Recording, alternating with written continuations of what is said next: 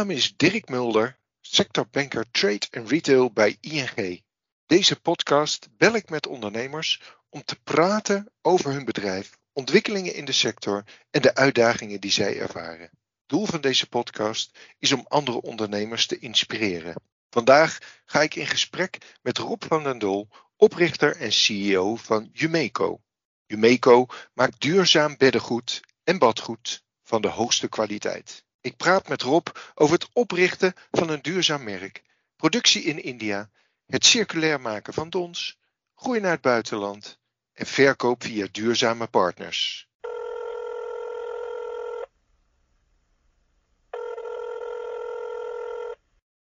Goedemorgen Rob, laten we maar direct beginnen. Kun je wat vertellen over jezelf en over Jumeco? Ja, ik ben, uh, ik ben zelf uh, ja, ik ben oorlogsjurist. Ik heb uh, ooit mensenrecht en oorlogsrecht gestudeerd. van de schoenmaker met 13 vakken. Nee, die moet bij zijn lees blijven en 13 ongelukken. Nou goed, um, ik heb in de reclame gezeten, als management consultant gewerkt. En een jaar of twaalf geleden, um, en, en, in de jaren negentig, was ik een van de medeoprichters van Warchild. De hulporganisatie eigenlijk, die besloot het even anders te gaan doen. En inmiddels een waanzinnig mooie impact heeft uh, op het gebied van kinderen en kinderrechten. Um, ja, in 2007 of 2008 um, kwam ik erachter, doordat een vriend van mij en ik, wij wilden een, een duurzaam bedrijf opzetten. Dat was toen nog een beetje ja, raar vond men dat. Hoezo duurzaam? Ja, we willen gewoon wat moois. Een leuke reclame waar we goed in zijn. Maar eigenlijk ook gewoon een product of een dienst die duurzaam is. Die bijdraagt aan een betere wereld. Ja, maar wat dan? En toen belde hij mij s'avonds laat op en zei: Joh, ik uh, sta in mijn slaapkamer, maar waar, waar lig jij onder te slapen?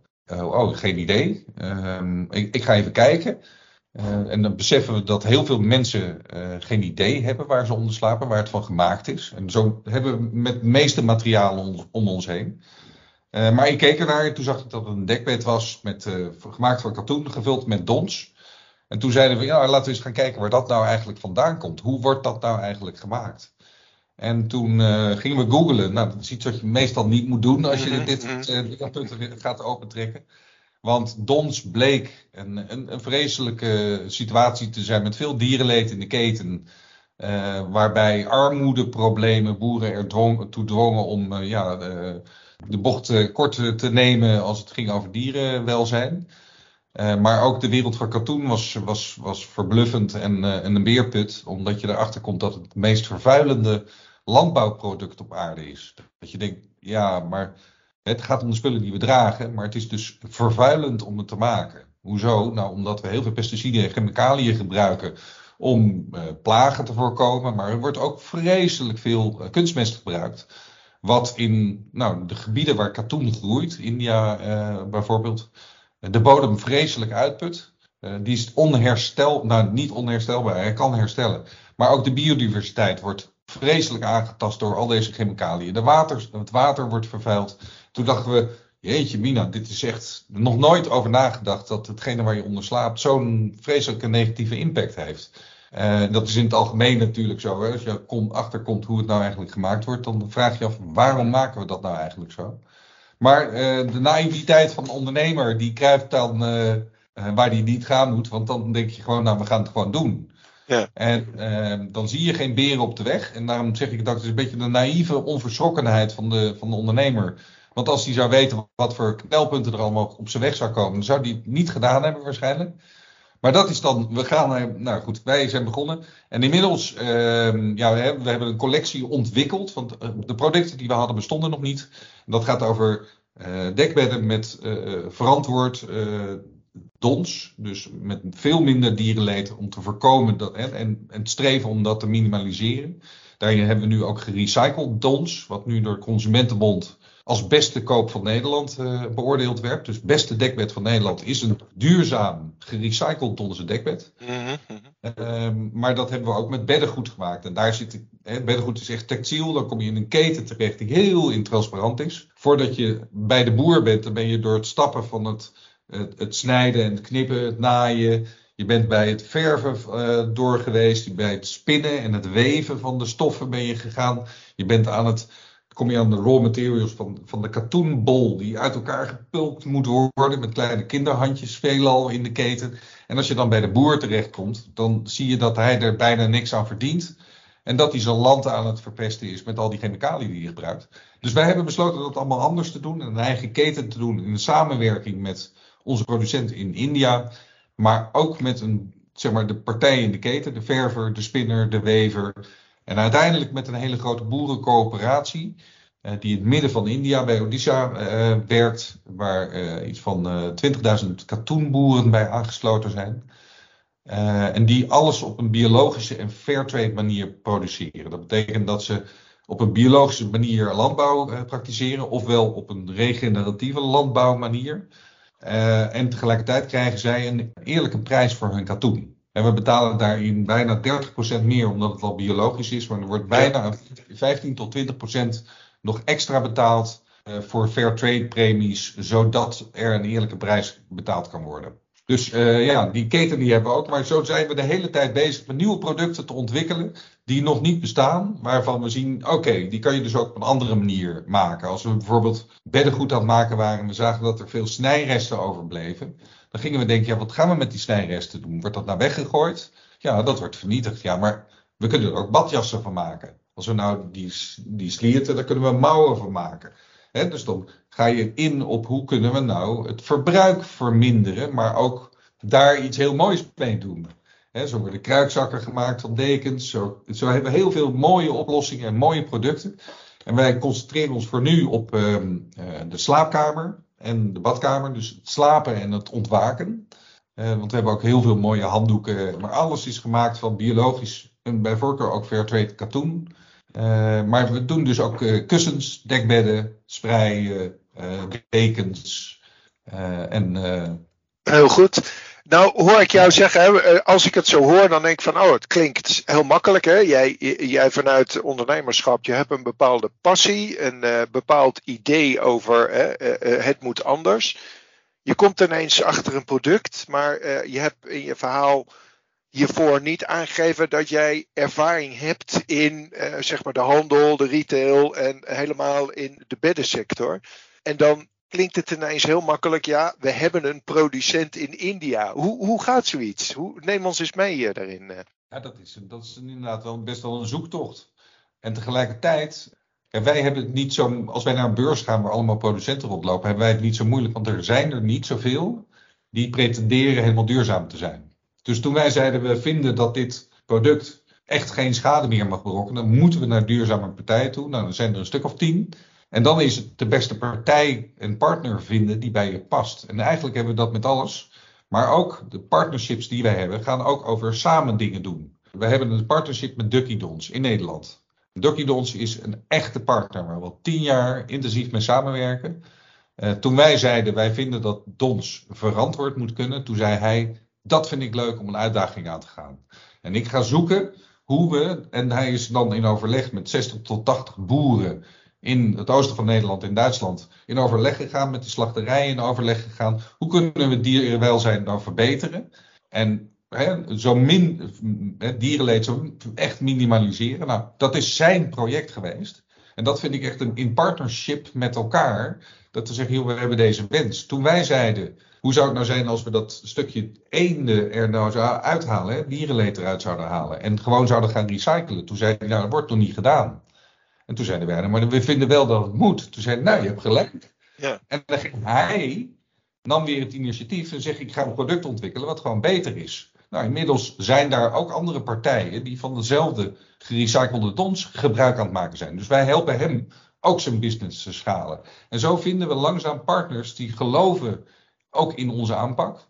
En die ook in staat zijn hun eigen bedrijf uh, te transformeren en een bepaalde richting op te sturen. Waarvan nou, iedereen is er blij mee. Want het brengt niet alleen goede business. Maar je bent ook echt een verschil aan het maken in, in zowel het minimaliseren van negatieve impact, maar ook maximaliseren van positieve impact. Want dat is uiteindelijk wat we willen dat klinkt allemaal heel goed. Hè? Maar de eerste vraag: is er een diervriendelijke manier om dons te, uh, te produceren? Als ik dit aan Marjan Thieme zou vragen, zou die dan zeggen: van ja, nee, uh, diervriendelijke uh, dons zou je bij Jumeco moeten halen?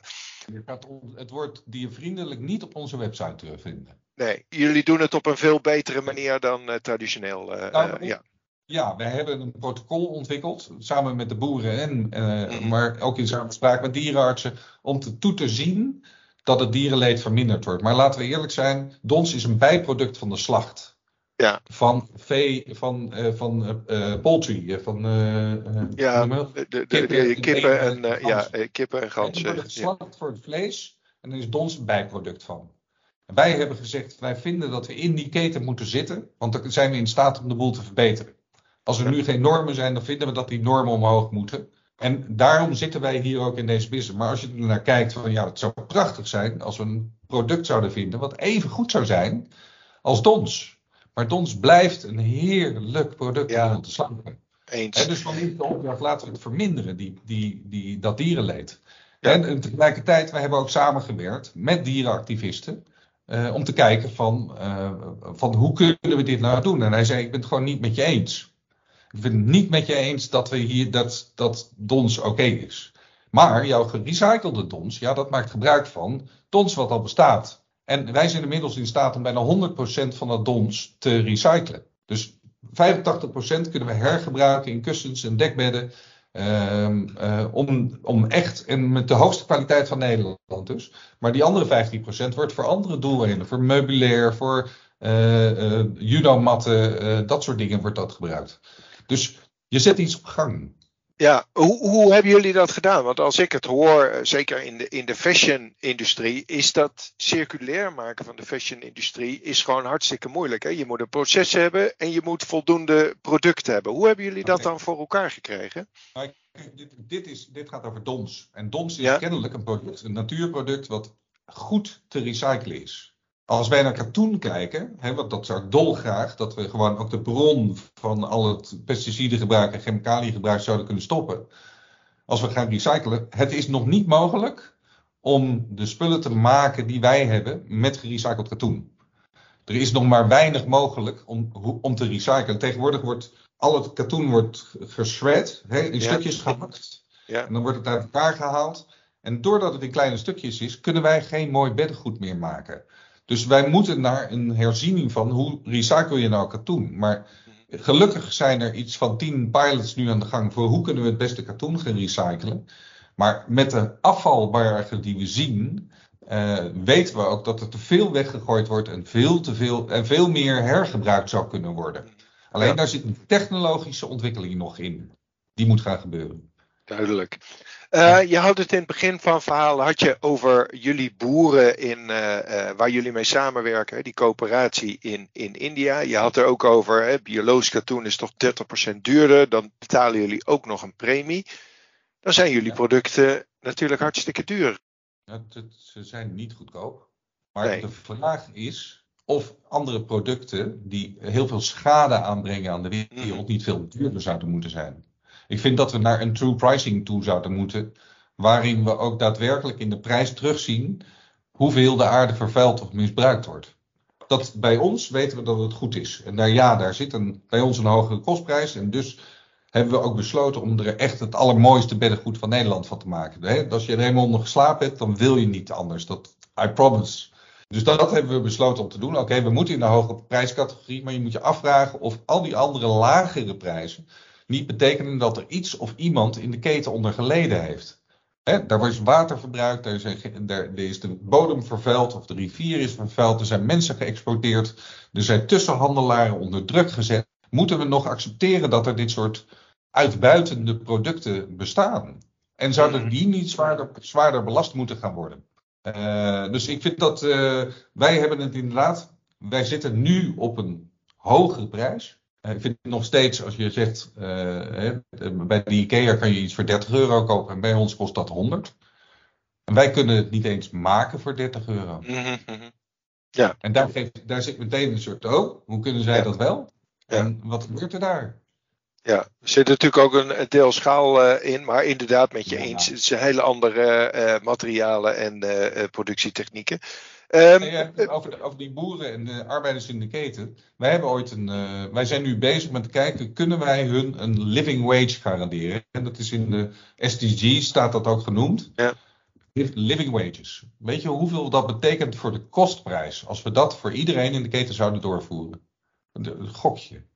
Uh, weet ik niet. Twee keer, uh, twee keer, van ons product. Twee keer over de kop, twee keer zo duur? Dus 2% in de kostprijs. Oh. Ja, dan He, zou je dus zeggen, waarom doe je het niet? Ja.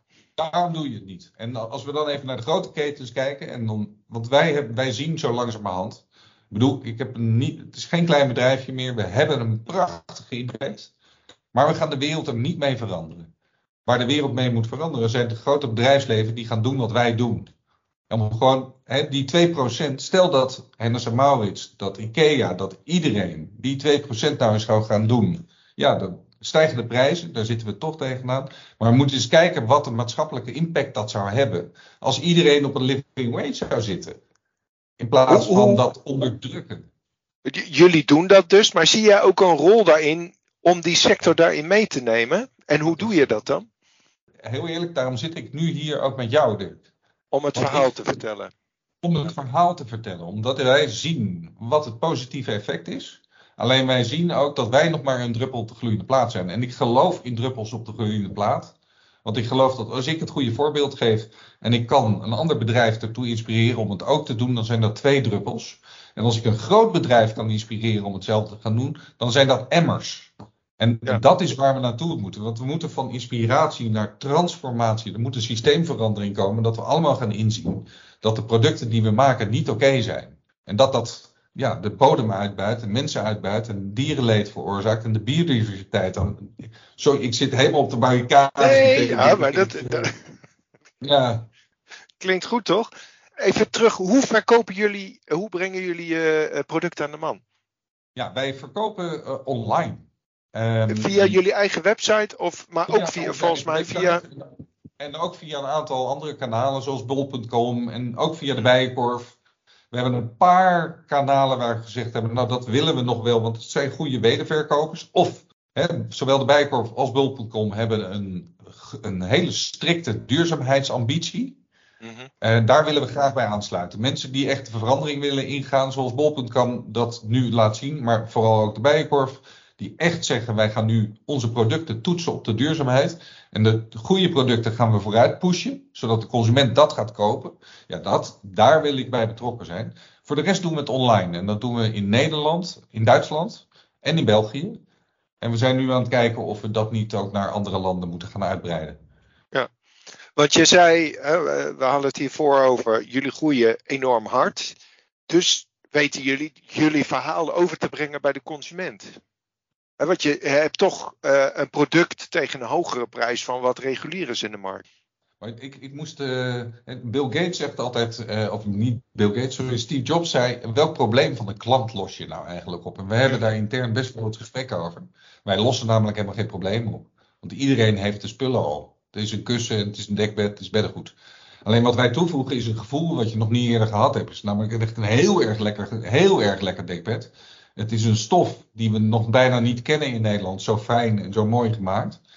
En het geeft een goed gevoel, want je hebt een bijdrage geleverd. Op onze website laten we ook aan iedereen zien hoeveel impact het maakt als je dat product koopt. dus dat gaat ook over het inspireren.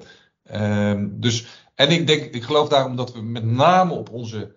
Uh, wat we zien aan klanten. Je koopt, ik koop geen duurzame drop omdat die duurzaam is of biologisch. Ik koop omdat die lekker is. Uh, datzelfde geldt hiervoor. Hier betaal je meer voor, maar het gevoel wat je ervoor terugkrijgt, dat is ongekend. En wat wij zien dus ook is dat ongeveer 40% van onze klanten koopt één keer. En die koopt een handdoekje of koopt iets kleins. Uh, maar wat wij zien is dat de andere 60% van de mensen, die koopt 7, 8 of 9 keer. Want die komen terug en denken, damn dit product is echt superieur. Oh, en heel fijn dat het ook duurzaam is. Het begint met een superieur product. Eens. En ik durf wel te zeggen.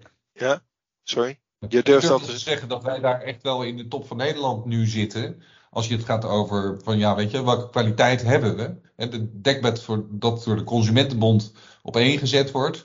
Uh, ja, dat vind ik een groot compliment voor onze kwaliteit ook. Hoe heb je dat product dan voor elkaar gekregen? Dat, is, is dat een samenwerking dan met je producent in, in India? Hebben jullie dat hier in Nederland ontwikkeld? Nee, we, we bedenken wel alles hier. Dus, ehm, en dat gaat zowel over het concept, zoals bijvoorbeeld zo'n recycled dons. Maar ook, we hebben nu ook een, uh, een design team. Wat je net daar achter je ziet, is gewoon handwerk van een kunstenaar. Uh, dat het beeld achter jou, dat is echt waterverf. Iemand die daar met de hand enorm oppervlakkig beschilderd heeft. En onze designer werkt dan samen met die kunstenaars die dit soort designs maken. Dus er komt ook een, we hebben ook een visie op hoe het eruit moet zien en hoe het moet voelen en welke kleuren we gebruiken. Ja, dit is, uh, is mooi. Ja, ja, ja, daar kan ik me iets bij voorstellen. Uh, zo, zo ontwikkelen we dus ook producten. Ja. dus we zijn nu aan het kijken van, joh, uh, zo'n zo'n ontwerpafdeling en een, een productieteam en een inkoopteam, die zijn met van alles bezig. Maar daaronder zit ook uh, ontwikkeling van nieuwe producten. Yes. En, en, nieuwe materialen gebruiken. En uh, die kijken ook naar hoe gaan we recycling hier inzetten. Hoe kunnen we zelf gaan recyclen op een betere manier. Mhm. En nog even terugkomend op wat jij eerder zei. Hè? Je kiest je verkoopkanalen, kies je heel bewust bij uh, het merk wat jullie willen zijn. Dus dat betekent ook direct dat je, uh, als je zou willen, harder zou kunnen groeien. Maar dan kom je, uh, als je jullie producten overal te koop zou aanbieden. Ja, maar dan, kijk, wij hebben ook gezegd, het moet wel betaalbaar zijn, mm -hmm. ons product. Uh, dat kunnen we nu met een oké okay marge via de website doen. Maar als we dat naar winkels willen brengen, ik heb het probleem met winkels is dat ze gemiddeld tussen de 230 en 300 procent marge moeten maken om de winkelexploitatie rendabel te houden. Dat is het probleem van een retailer. Uh, en dat zit niet in onze marge. Dat, dat kunnen, hè, wij hebben ook gezegd, moet wij, we zijn, doen fair trade, dan moet het ook bij ons een fair marge zijn. Niet exorbitant hoog, maar die is dus gericht op de verkoopprijs online. En daar zit dus weinig, dus als wij met de bijkorf praten, dan hebben zij dus ook concessies daarin gedaan. Gezegd, luister, wij vinden het belangrijk dat het, ja, dan is het gewoon duur. Het is, jullie spul is duur om te maken. Ja, dan zit er voor iedereen wat minder marge aan vast. Ja, hartstikke goed. Uh, uh, ja, ik weet dat de Bijkorf daarmee bezig is, ook om zijn uh, leveranciers daarop te, te selecteren. dus dat hartstikke mooi. Nou is natuurlijk het voordeel van e-commerce dat je uh, relatief makkelijk ook uh, kan expanderen richting andere landen. Wat zijn daar jouw ervaringen mee? Ja, was dat maar zo? Was dat maar zo? Nee, dat is de naïviteit van een bankier. Uh, ja, het is niet kopieerbaar. Laten we dat. Nee. Want? Ieder land is anders. Als je gewoon kijkt hoe een Duitser niet alleen zich gedraagt online, hè, dus 50% van de sales in, online in Duitsland gaat via Amazon. Ik weet niet of je op Amazon geweest bent, maar het ziet er niet uit. Nee. Dus mooie spullen krijg je niet verkocht. Ja. Nou, dat sluit je dus al 50% van het hele e-commerce in Duitsland uit. Wisten wij veel. Natuurlijk gaan we Duitsland in, grote markt. Maar het is niet makkelijk. En iedereen moet, hè, dus andere juridische voorwaarden, andere retourgaranties, andere verzendkosten. Veel meer retouren uh, eigenlijk. Uh, maar ook uh, dingen als de maten. Hè, ons grote dilemma is dat ieder land in Europa heeft een andere maat dekbed. Ik weet niet of je dat eens gemerkt hebt. Hier in Frankrijk lig je opeens onder andere. En dan in Scandinavië onder die hele brede. In Duitsland onder die hele dikke, maar korte. Oostenrijk trek je je voeten altijd uit. Ja. Ieder land is een andere maat. Wat betekent dat voor ons? Is dat ook in ons, onze supply chain. Wij moeten dus, als we een land in willen, enorme voorraad aanleggen in nieuwe maten. He, dus onze filosofie is, we moeten nooit een overschot hebben wat moet vernietigd worden. We zijn niet fast fashion. We testen dingetjes eerst uit met kleine hoeveelheden. Werkt dit in deze markt? Oké, als het werkt, dan kunnen we hem opschalen. Maar we willen nooit zo ver komen dat het in de Atacama-woestijn gedumpt wordt mm -hmm. of zo. Mhm, mhm. en eigenlijk ook niet in de uitverkoop. Want dat is niet ja. goed. Nee. dat, dat is niet, tuurlijk. En wij doen nu, bij ons is bijvoorbeeld Black Friday, Cyber Monday. Dat is een grote discussie bij ons. Want we vinden het eigenlijk over consumentisme. En tegelijkertijd laten we, ja, gewoon 60% van Nederland is iets aan het kopen in die dagen. En wij vinden dat wij zijn het duurzame alternatief. En als er dus, als mensen gaan kopen, dan moet er een duurzaam alternatief zijn. Dus we kunnen wel zeggen, we vinden dat, niet, dat we niet mee moeten doen. Nee, maar dan gaat de consument iets kopen wat slecht is voor de wereld. Laten we dan zeggen, wij moeten dus meedoen. Maar we maken wel aan al onze klanten bekend dat de marge niet ten koste gaat van de boer, maar ten koste van ons. Mm -hmm. Wij pakken die, dat, hè, dus dat is, wij betalen dezelfde prijs aan de boer. Maar we laten ook achteraf aan al onze klanten weten wat is de impact geweest van deze consumentisme-dag. Ja. Hè, hoeveel impact in, eh, in, in India hebben we gemaakt met waterverbruik, met CO2-uitstoot, met uh, uh, besparing van land. Maar er Ja. is ook een beweging nu aan het opkomen die tegen Cyber Monday en Black Friday Ja, gaat. Eh, eh, is dat dan niet meer iets wat Ja. bij jullie past? Nee, want wij kijken gewoon, ik kijk onderaan de streep niet alleen naar cijfers, want dat moet gewoon als Mm. ondernemer, maar ik kijk naar impact. Ja. Als ik niet, niet meedoe, je moet je even voorstellen, ik maak een draai ongeveer om in vier dagen tijd twee maanden omzet. Mhm. Vier dagen. Zo, En als ongelooflijk. ik, Ja. bij ons is omzet is impact. Dat staat gelijk aan omzet is impact. Dus als wij de spullen verkopen, dan heb ik een mega grote impact op die dagen. Dus wij moeten gewoon meedoen. Ja. Ons, ons doel is impact maken, is om die verandering te beweeg te brengen. Nou, als dat betekent dat, hè, en de consument. Ja, goed, ik vind ook dat we moeten protesteren. Ik vind ook dat we mensen moeten bewust maken van, is dit nou helemaal normaal wat we hier aan het doen zijn? En tegelijkertijd, eh, als 60% van de bevolking dit doet, dan moet er een alternatief zijn. Duidelijk. Ik, eh, duidelijk met je. eh, en ik ben het met je eens. eh, ja. Ja, het is wel lastig hoor. En ik vind Ja. een gezonde discussie die we ieder jaar moeten voeren met elkaar. Mhm. Van ja, we gaan meedoen, maar laten we wel bewust zijn daarvan. Want we moeten minderen. Hè? We moeten allemaal gaan minderen de komende 20 jaar. Ja, maar dat is direct het probleem van de retail. Hè. We moeten wel minderen, maar ja, de retail is daar wel afhankelijk van. En daarom vind ik al dat soort initiatieven, hè, van eh, je koopt een broek en je kan hem een jaar lang eh, of eh, je leven lang laten repareren. Het, is allemaal, het, het, het zijn mooie initiatieven, maar ik ben benieuwd of ooit we het voor elkaar krijgen dat de hele retailsector daaraan mee gaat doen. Maar goed, het zou wel moeten. Nou, ik denk dat, dat het een samenspel wordt van niet meer geaccepteerd worden hè, door de samenleving als je niet meer doet. Mhm. En ik denk dat tegelijkertijd ook wat er vanuit Europa gaat komen de komende vijf jaar. En dat is mensen. Veel bedrijven zijn zich er niet van bewust wat voor regels eraan gaan komen, maar de touwtjes worden aangetrokken. Ja. Ik vind het ook voor alle ondernemers heel belangrijk dat ze eens gaan kijken wat betekent dat nou eigenlijk voor mij. Want er komen echt wel wat eh, nou ja, belangrijke en nuttige maatregelen aan. Absoluut. Maar het, het gaat ons wel eh, dwars zitten als ondernemer. Absoluut. Ja, als je niet meegaat eh, eh, daarin. eh, ja. ja, nee, En, ja, precies. Ja. Nou lezen we natuurlijk allemaal de kranten. De afgelopen twee jaar hebben we enorme hiccups gehad in de supply chain. We hebben te maken met enorme inflatie. Ik hoor toch vanuit de woonsector van goh, als leveranciers hebben we fors moeten inkopen door die onbetrouwbare supply chain. En toen was er ook nog wel vraag bij retailers. Maar goed, we, hè, we zien nu toch dat dat langzaam aan het omslaan is. Wat voor impact heeft dat gehad op jullie, op Jumeco?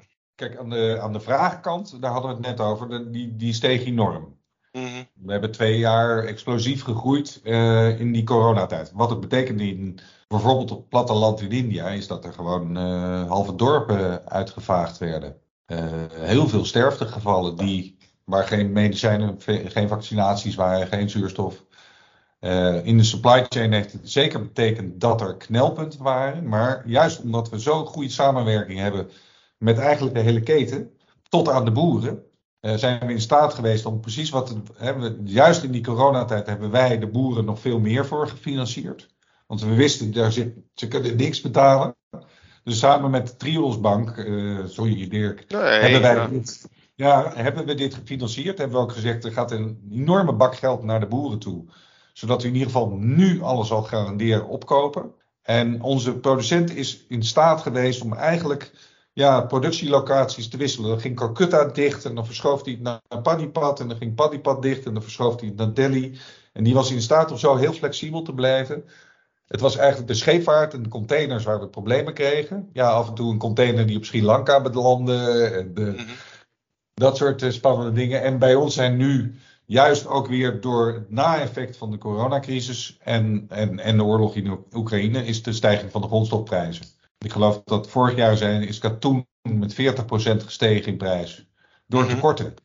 Ja. En dit jaar verwachten we nog eens een keer 20%. Dus dat is bijna 60% prijsstijging van de grondstof ehm, in twee jaar tijd. Ja, dat, heeft, dat zal effect op ons allemaal gaan hebben.